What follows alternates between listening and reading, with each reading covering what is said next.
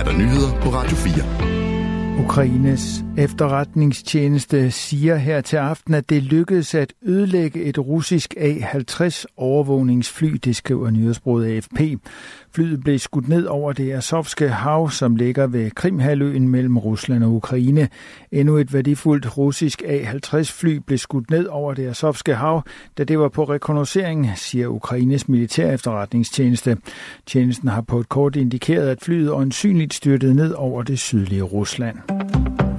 Joe Biden gentog i dag sine opfordringer til det republikanske parti om at ændre kurs og stemme for en stor hjælpepakke til Ukraine, som har brug for øget støtte i dets kamp mod russiske invasionsstyrker.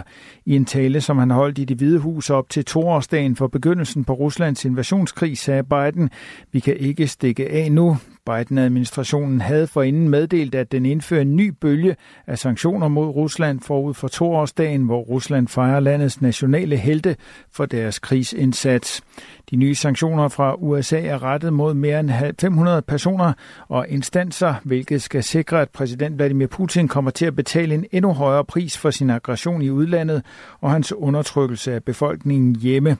Og Biden understregede, at det haster med at få godkendt de nye store støttepakker til Ukraine, som er blevet blokeret af republikanerne. Hjælpepakken til Ukraine på 60 milliarder dollar er blokeret i kongressen, da der er uenighed om, hvor mange penge, der skal bruges på at forstærke USA's sydlige grænse til Mexico. Det er det, som Putin satser på. Han satser på, at vi stikker af.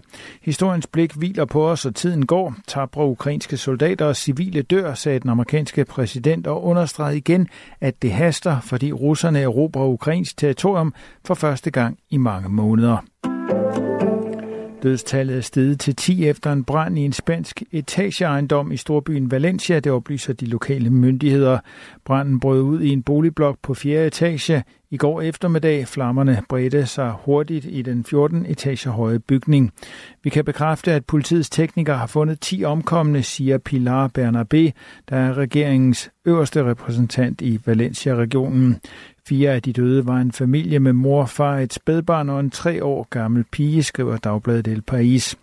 Tidligere i dag blev det oplyst, at fem mennesker var fundet omkommet, mens der ikke var gjort rede for 14 andre personer. Antallet af savnet er fortsat usikkert. Den øverste del af bygningen kan stadig ikke inspiceres, da der fortsat er intens varme på de øvre etager. Blokkene blev bygget i begyndelsen af 2000-tallet og havde 138 lejligheder med omkring 450 beboere. Årsagen til branden er ikke kendt. Byens borgmester Maria José Catala siger, at det er for tidligt at kommentere påstande i spanske medier om, at brandfarligt facademateriale gjorde katastrofen så omfattende. Jonas Vingegaard var på forhånd udskrevet som favorit på dagens 151 km lange anden etape af O Gran Camino, og han levede på alle måder op til den. Danskeren som mand løbet overlegne sidste år knuste de øvrige bjergryttere på målstigningen og kørte alene til mål, hvor han snuppede både etappesejren og føretrøjen. Han var 23 sekunder foran de nærmeste forfølgere, og med bonussekunder giver det ham en føring på 27 sekunder i klassementet. I aften og i nat til dels klart vejr med spredte byer, men i nat efterhånden mest tørt. Temperatur mellem frysepunktet og 4 graders varme, svag til jævn sydlig vind ved kysterne op til frisk vind. I morgen lørdag først mest tørt med lidt eller nogen sol, men i løbet af eftermiddagen mere skyet og efterhånden spredte byer, der kan være med havl eller slud. Temperaturer i morgen mellem 4 og 9 grader. Det var nyhederne på Radio 4.